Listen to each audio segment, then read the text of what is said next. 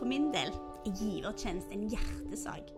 For det å gi gjør noe med hjertet mitt, og hva hjertet mitt tilhører. Der jeg gir inn, der vil jeg legge igjen noe av mitt eierskap. Dette gjelder ikke bare penger, men òg tid i form av tjeneste og bønn. Det blir min kirke, mitt misjonsprosjekt og mitt bistandsprosjekt. Det gir eierskap og engasjement inn i det jeg investerer inn. Og jeg tror virkelig en blir velsigna når en gir.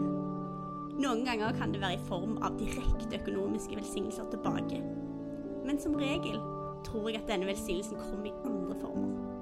Noen ganger i form av dyp takknemlighet overfor hva jeg får være med og bygge når vi starter en ny menighet i Norge eller India. Eller når vi koser oss i hjel på barneleir. En ungdom tar imot Jesus. Eller når jeg stolt kan ta med en venn på en fantastisk gudstjeneste. Og dette er bare det jeg får se sjøl, med mine egne øyne. Hva med de jeg ikke ser og hører om? Hva med barnebarna til de som kommer til å tro i salt? Og de kommer til å få sitt liv forvandla for troa de fikk med seg hjemmefra. Tenk at det jeg gir, vil sette spor langt etter jeg sjøl er gått i graven. Da kjenner jeg en dyp takknemlighet og glede over å få være med og gi til noe større enn meg sjøl. Ved å gi til kirken skapes det et hjerte i oss for å se den vokse.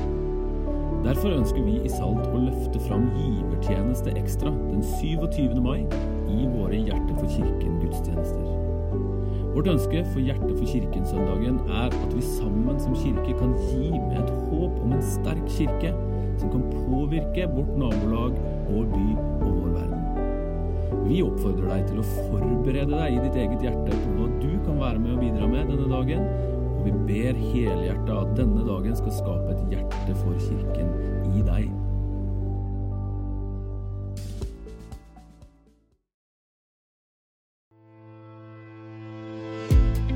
Takk for at du hører på Salts podkast. Vi håper den vil inspirere deg og utruste deg til en hverdag i etterfølgelse av Jesus. Du er alltid velkommen til våre forsamlinger, og akkurat nå starter vi opp i Trondheim og Skien i tillegg til de forsamlingene vi har i Hordaland.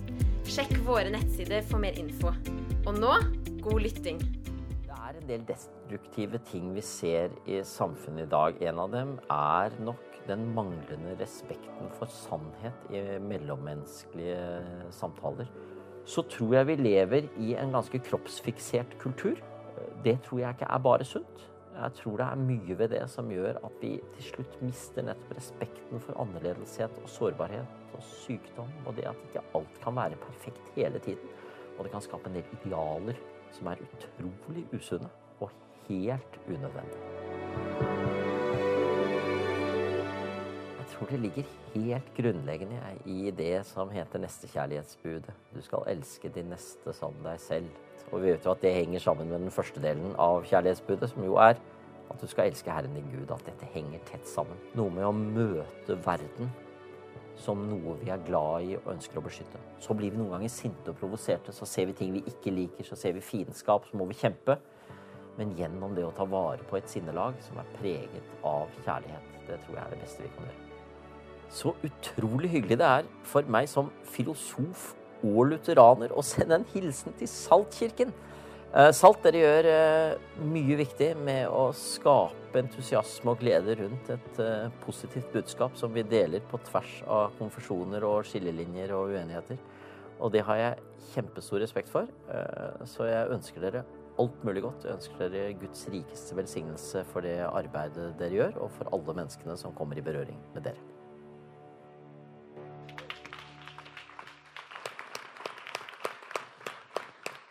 Tusen takk til Henrik Syse. Var ikke det fine ord? Det var sånn som talte rett inn i hjerteroten, tror jeg på alle.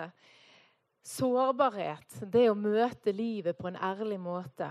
Kunsten å være menneske i den tiden vi lever i. Med ytre press og indre uro.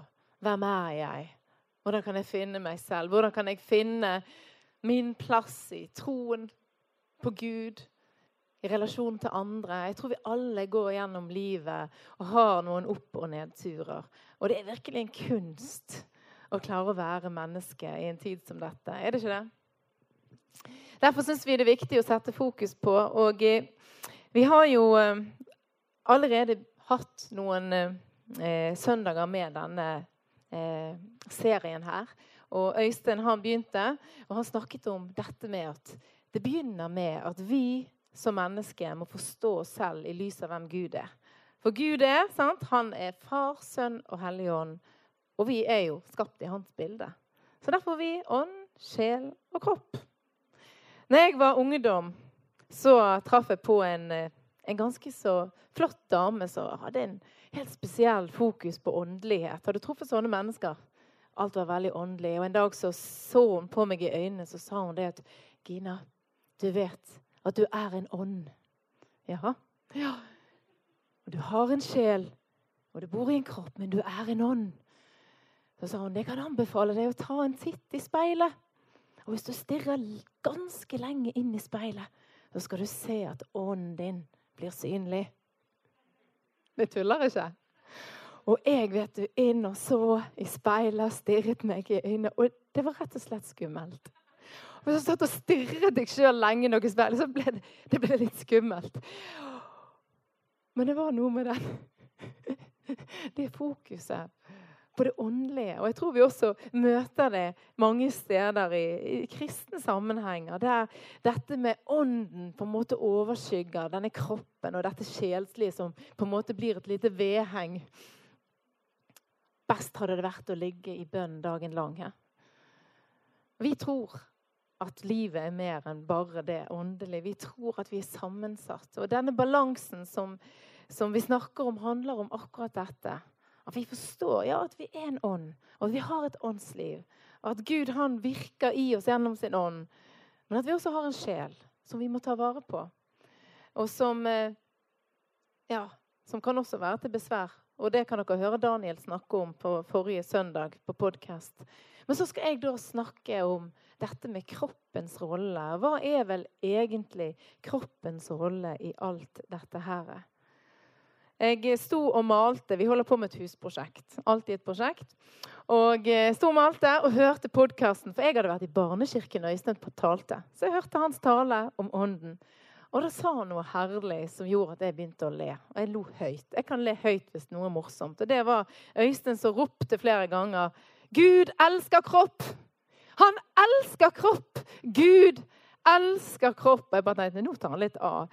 Og lo der i stigen. Så jeg står, Gud elsker kropp. Gud har skapt kroppen. Men vet dere, midt i en tid der mange opplever både skam og kanskje selvforakt og utilstrekkelighet, så er det så godt å høre akkurat det at det kan ropes. Gud elsker kropp. Han elsker din kropp. Han elsker oss akkurat sånn som han har skapt oss. Og bare det å kjenne at vi er akseptert akkurat sånn som vi er skapt, det er et viktig utgangspunkt for hvordan vi kan forstå oss selv som mennesker. Men eh, jeg vil jo også si at i vår tid så er det mange røster som taler til oss om hvem vi er. Og vårt syn på kroppen preges mye av den tids eh, fiksering på kropp som vi er en del av. Sant? Nå skal vi nå dette idealet og sunnhet og for alt som vi skal ja, sant? Vi skal jo både løpe maraton. Er det noen som løpt maraton her inne? Er det noen som er perfekt? Ja, det er noen. det er noen. Jeg har løpt halvmaraton. det er bare sånn jeg sa. Men sant? Og hvem er det som har de perfekte, self, perfekte selfiene og liksom klarer å gjøre alt og yte 100% enhver ting, tid? Jeg tror vi er flere av oss som opplever at vi ikke alltid når opp. Men det er så lett å sammenligne seg med de andre. Og i den tiden vi lever, så ser vi en økt fokus på akkurat dette, som handler om prestasjon, som handler om hvordan vi ser ut, og hvordan vi lykkes på alle mulige områder. Og kanskje føler du at ja, men jeg har nå bare gitt opp. Eller kanskje du tenker at ja, ja, jeg har nå funnet meg til rette til det jeg har fått utdelt. Jeg har innfunnet meg med det. Jeg vet ikke hvor du er. Min mormor hun var veldig forfengelig.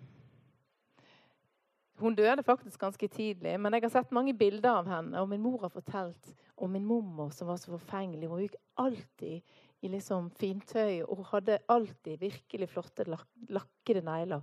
Og det var alltid sminke, og alt dette her var helt perfekt.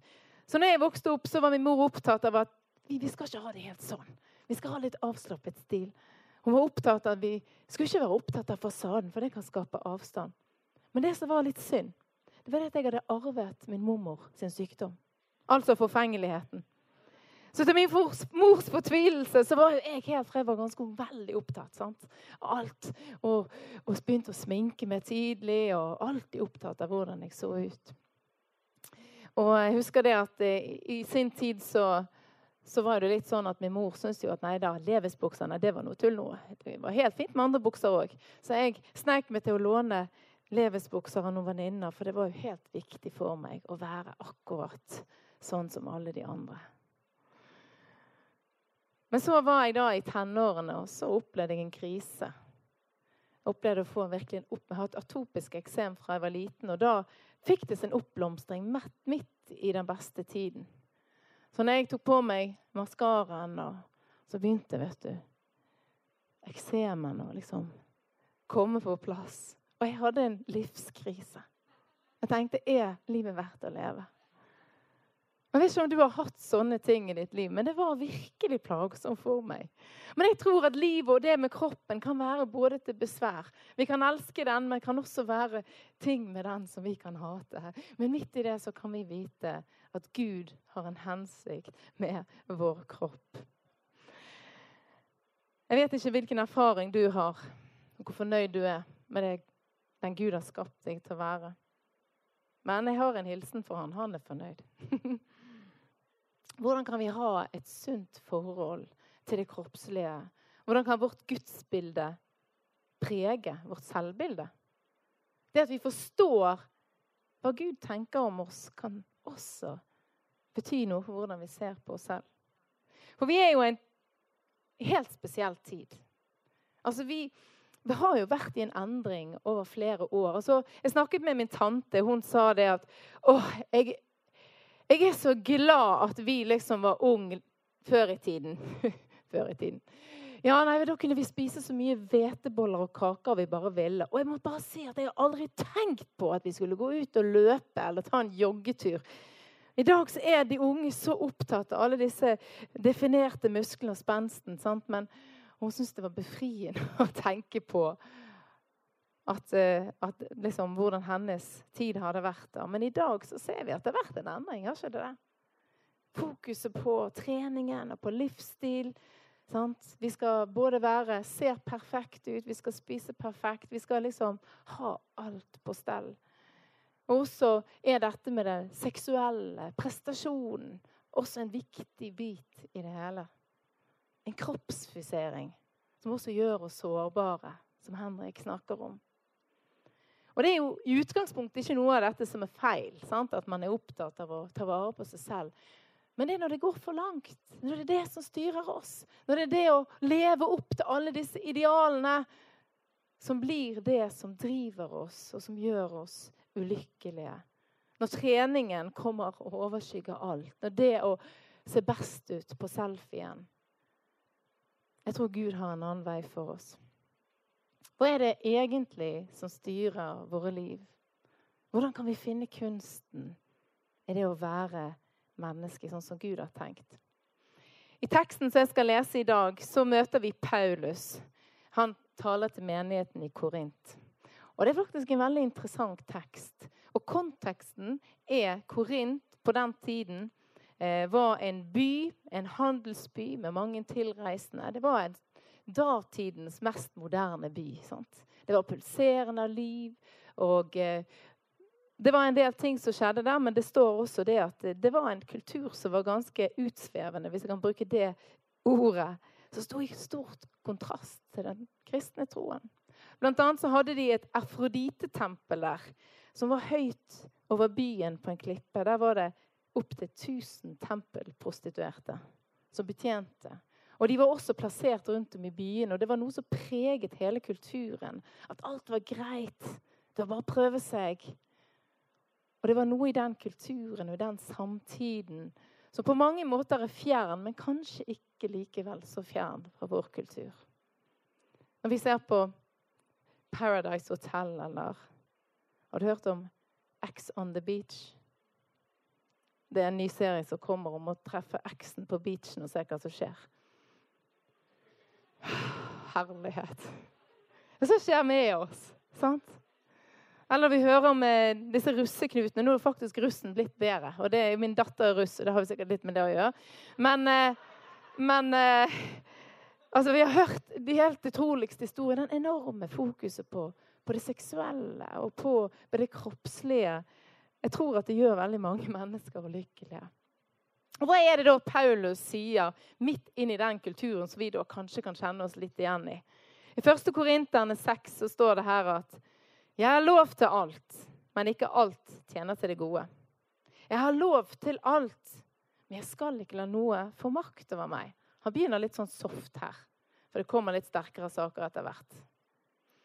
For vet dere ikke at kroppen deres er Kristi lemmer? Skal jeg da ta Kristi lemmer og gjøre dem til en hores lemmer? Vet du hva en hore er? Det er da en Ja, det er nesten så det er sånn gammelt ord. Men det er da en som, som, er prostituert, eller noen som er i en relasjon med en prostituert. Det må ikke skje. Han er liksom bold og bare tar det rett som det er. Så sier han at vet dere ikke at kroppen deres er et tempel for Den hellige ånd. Vet dere ikke at kroppen deres er tempel for Den hellige ånd, som bor i dere, og som er fra Gud? Dere tilhører ikke lenger dere selv. Dere er kjøpt, og prisen er betalt. Brukt av kroppen til Guds ære. Og det er hans oppmuntring. Der står de. Og de kommer jo fra denne kulturen. Og kanskje var det litt fremmed for dem, dette fokuset. For det er jo så lett at man faller inn i den samtiden man er en del av. At de bare passer inn. At den kulturen som er rundt oss, får definere hva som er sannhet, hva som er normalt. Gjøre som vi vil. Gjøre det som kjennes rett. Kropp er jo kropp. Pushe grenser. Utforske. Det Paulus snakker om her, er at kroppen er så mye mer enn det som handler om egen nytelse. Det står faktisk at kroppen tilhører Herren. Hva er det egentlig dette betyr?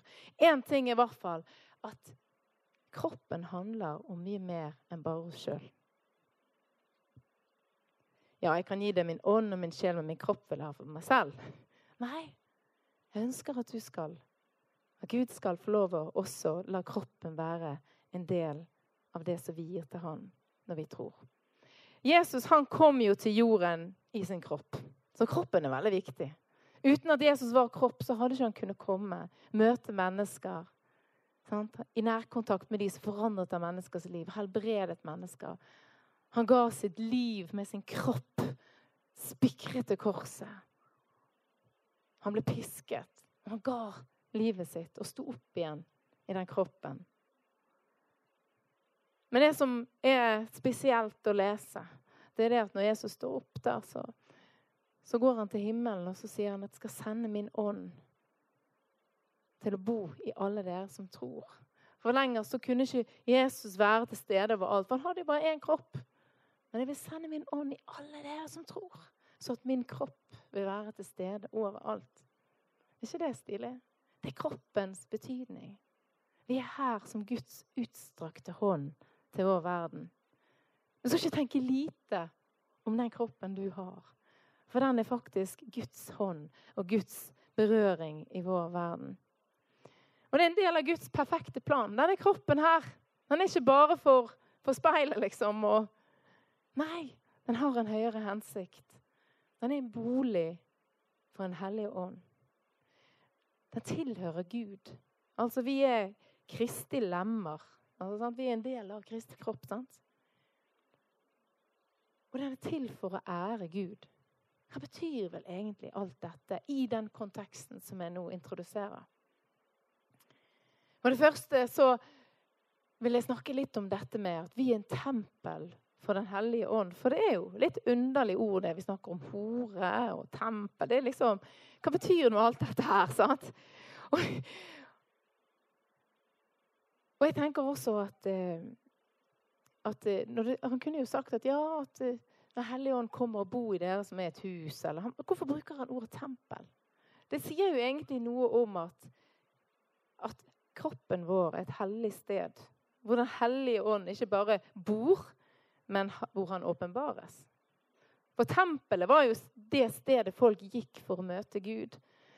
Med stor forventning. I Gamle testamentet kan vi lese mange steder om tempelet.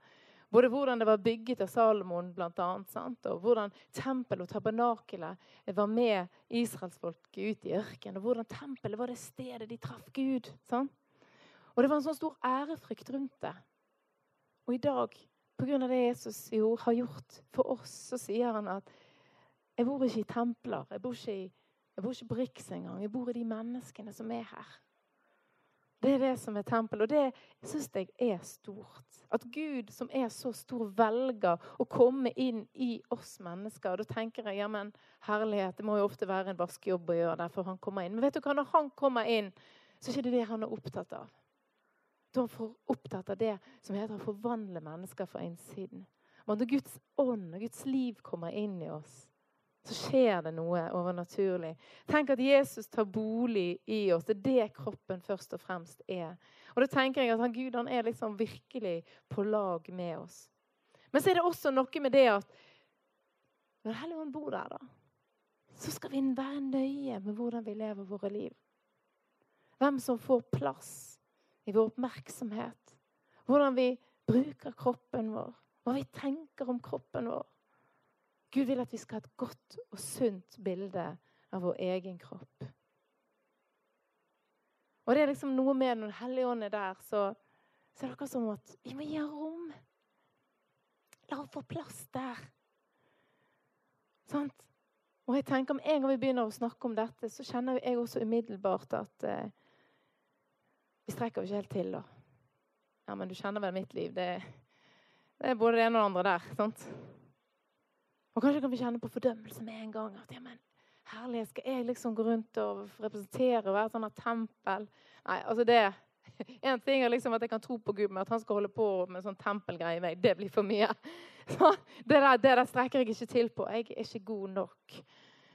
Og Spesielt når vi da kanskje leser videre i Romane 12, der det står at derfor formaner jeg dere ved Guds barmhjertighet, søsken, bær kroppen frem som et levende og hellig offer. Og det var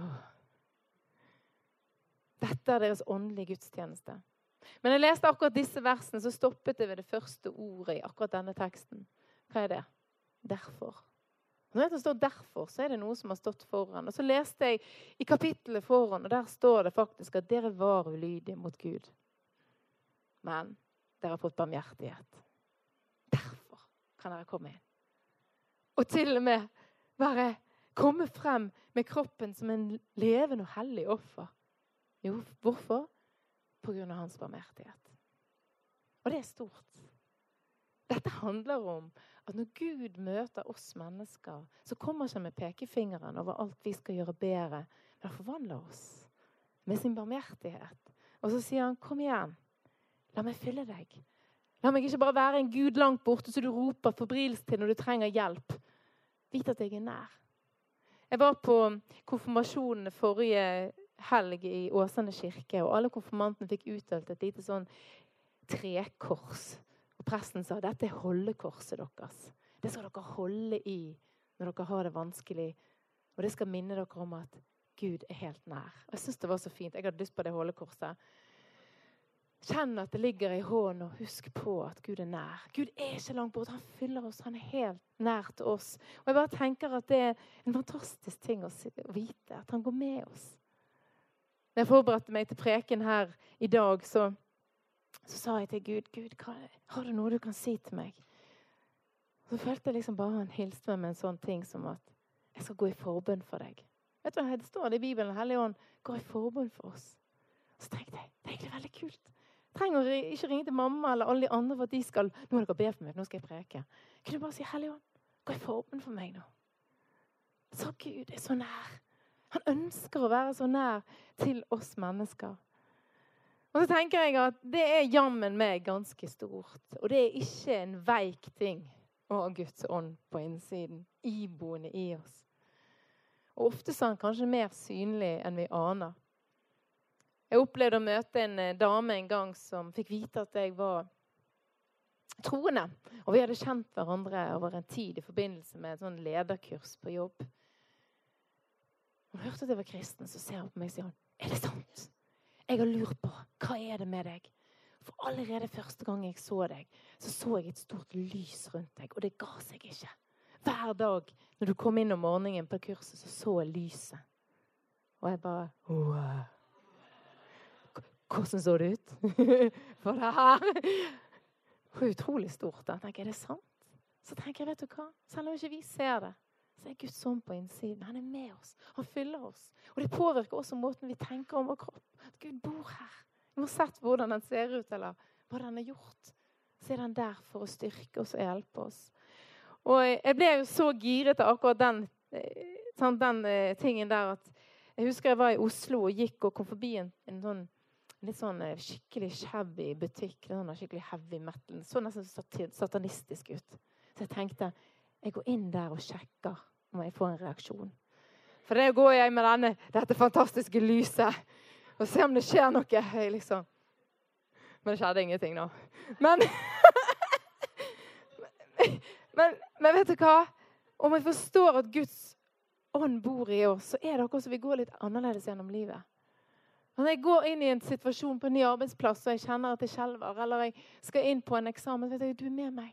Helligånd, du er ikke bare der oppe, du er med meg. Du går her, du bor i meg. Takk, Gud, for det som vi kan oppleve og stå i når Gud møter oss på den måten. Er ikke det fint? Så det er utgangspunktet. Og så står det også at ja, vi er tempel for Den hellige ånd. Men vi tilhører da også heller ikke lenger oss selv. Dere er kjøpt og betalt. Altså, kroppen vår tilhører Gud. Det er en del av vår identitet. Og på mange måter så kan jo det virke litt underlig. Sant? Jeg tenker på en måte ja, men vil vi være eid, liksom? Kjøpt og betalt, liksom? Men det er ingen referanse til mangel på personlig frihet. Det er snarere en referanse til det Jesus har gjort for oss. Sant? Gjennom sin død, oppstandelse, betalte han en pris for oss. Du er kjøpt, du er betalt. Det betyr du er satt fri fra det som bandt deg. Du tilhører Guds lag, vinnerlaget, den som har overvunnet dødens makt. Det er han som sier at du er min. Jeg beskytter deg. Du er min. Og det er utrolig fint. I vers 17 i, i denne teksten så står det at Men den som holder seg til Kristus, blir én ånd med ham. Og det er det som er hele hensikten. Ikke nødvendigvis at alt du ikke skal gjøre, men Gud ønsker å være nær oss. Han ønsker å få tak i den vi egentlig er. Han ønsker å komme på innsiden og kjenne oss, vårt innerste. Det er det han vil ha tak i, og det er fordi at han elsker oss. Og det er med denne hensikten, denne formaningen også, kommer det. Som går rett inn i en kultur av en oversexifisert ja, samfunn. Vet dere ikke at kroppen deres er Kristi lemmer? Skal jeg da ta Kristi lemmer og gjøre den til en hores lemmer? Det må ikke skje. Hvordan er konteksten i vår tid? Jeg tror at det at vår kropp tilhører Gud, adresserer vår seksualitet. For det rører noe ved det innerste av hvem vi er. Paulus formaner oss ikke til å sant, være utsvevende og tilfeldig forholde oss til seksualitet. Og, for det er, noe, det er, noe, som handler om vår identitet, om hvem vi er som mennesker. Han sier det at det som, er, det som går på seksualitet For Gud han, han, han skapte seksualitet. Det er ingenting galt med det. Det er faktisk utrolig fint. Men det er ment innenfor en ramme av at de to blir ett. At det er en commitment. Og eh, jeg tror at det er utrolig viktig at vi snakker om i vår tid. For det står også det i denne teksten, så står det igjen Hold dere borte fra hor. Det fantastiske ordet. All synd som, et, som et menneske gjør, er utenfor kroppen. Men, det, men den som driver hor, synder mot sin egen kropp. Og det er jo det som er. Gud ønsker ikke det. Og I den frislupne på en måte tiden vi lever, at det er greit å ha seg litt der og litt sånn vennesex og litt sånn forskjellig, det gjør noe med vår identitet. Og vi tror ikke på det. Vi synder mot vårt egen kropp. Det er noe som skjer med vårt indre. Og det er akkurat dette som er så viktig at vi griper som troende. For det former kjernen av hvem vi er, den seksualiteten vi har.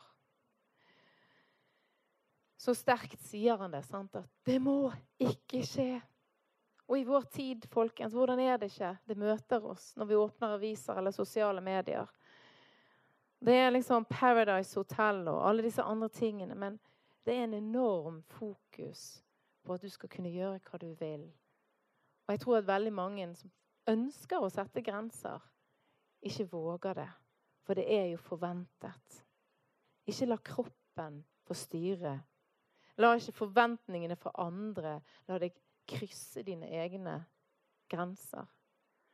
Sånn, vi må jo teste dette ut, for vi ser om vi passer sammen. Jeg tror ikke på det. Jeg tror at det finnes noe visdom i Guds ord som vil være til hjelp for oss. Vi skal ikke bare teste ut her og der. Jeg tror dette er veldig viktig. Det er OK å sette grenser.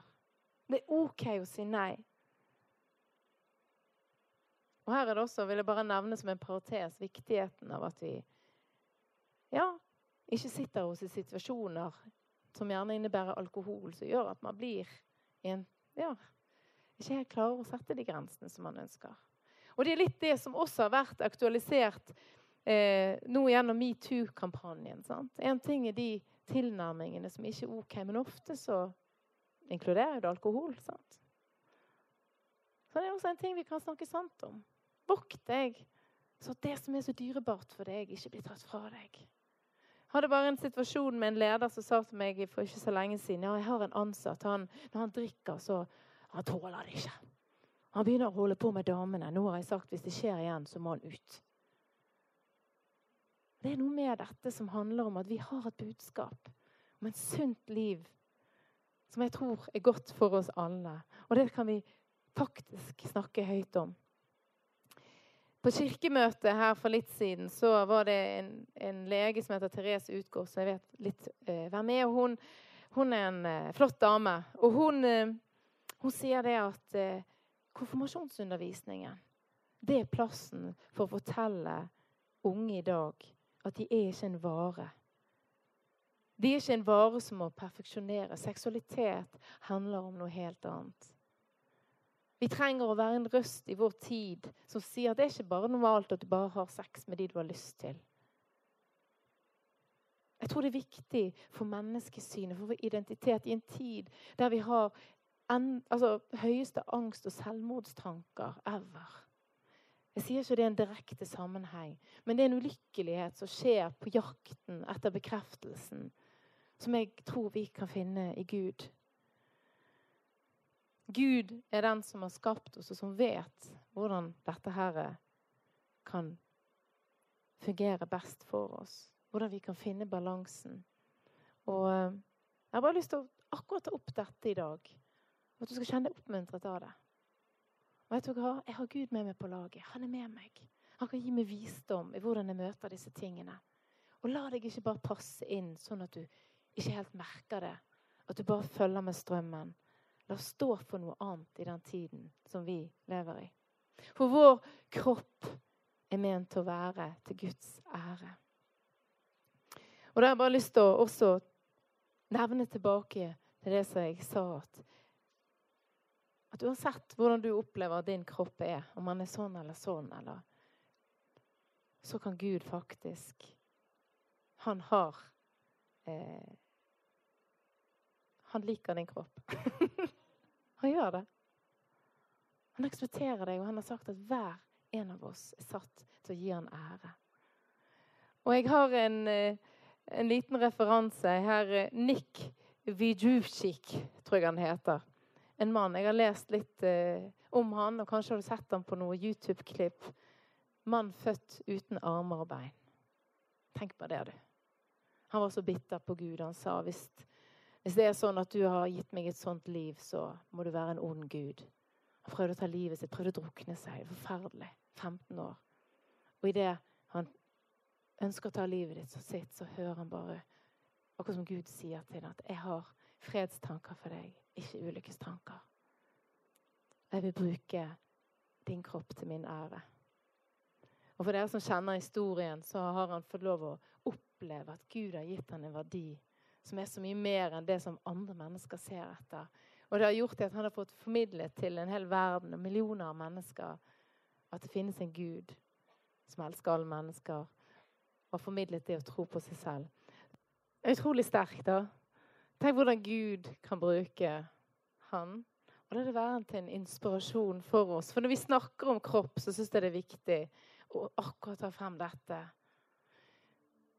Det står i Salme 123, og jeg vil bare avslutte med det. Ta det til deg. For du har skapt mine nyrer. Du har vevd meg i mors liv. Jeg takker deg for at jeg er så underfull laget. Underfulle er dine verk, det vet jeg godt. Knoklene mine var ikke skjult for deg da jeg ble laget på hemmelig vis og vevd dypt i jorden. Dine øyne så meg da jeg var et foster. Alle dager skrevet opp i din bok. De fikk form før en av dem var kommet. Dine tanker, Gud, er dyrebar for meg. Summen av dem er ufattelige. Disse kroppene våre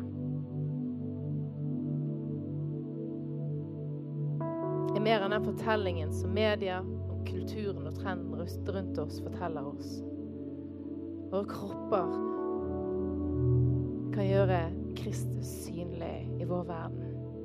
Og la sånne som Nick være et forbilde som eh, forteller oss og en hel generasjon om at vi er gode nok. sant? For det er så lett å bli påvirket av alt dette, dette ytre presset. Men la oss kjenne det at vi kan finne vår trygghet i at Gud ser oss, at Gud ønsker å ta bolig i oss. Vi kan tilhøre Han, og gjennom det kan vi gi Han ære. Vi tar og reiser oss alle sammen. Nå skal vi eh, gi deg muligheten til å være med i eh, nattverd. Og det er veldig fint å gjøre på disse gudstjenestene. For det at i nattverden så får vi eh, minnes Jesus og det han gjorde. Men også spesielt tenke på det er hans kropp måtte ofre for vår skyld. Og så står det, står det i Guds ord at, at han, han tar all vår skyld. Han tar all vår synd. Så det å komme til nattverd, det er liksom sånn påminnelse om at vet du hva, jeg er tilgitt for alt det der som jeg kan huske på når vi snakker om dette. For Gud, han kommer ikke med pekefingeren, men han sier 'kom til meg, du som strever og tungt å bære'. Jeg vil gi deg hvile. Jeg har betalt prisen for deg. Kom og minn deg selv på det jeg har gjort for deg. Ta imot det som jeg har gjort. Og Spesielt hvis du er her og du aldri har tatt imot Jesus som din herre, så kan det å gå til nattverd være en demonstrasjon om at du ønsker å ta imot Jesus. Jeg tar imot det han har gjort. At han døde, at han oppsto igjen. Og for deg som bare tenker at jeg bare trenger å ta et steg tilbake til Gud. Eller det er ting i livet ditt du bare ønsker å gi til Han, så bare bruk den tiden av nattverden til gå her og legg dine ting i Hans hender. Og så ber jeg om at vi skal få lov å være Guds kropp der ute. En skulder å gråte på. Noen ører som lytter. Hender som, som, som er der for de som trenger det. La oss være der i vår verden som det Gud kalte oss til. Å være hans kropp. Sånn som han ønsker å nå verden gjennom den.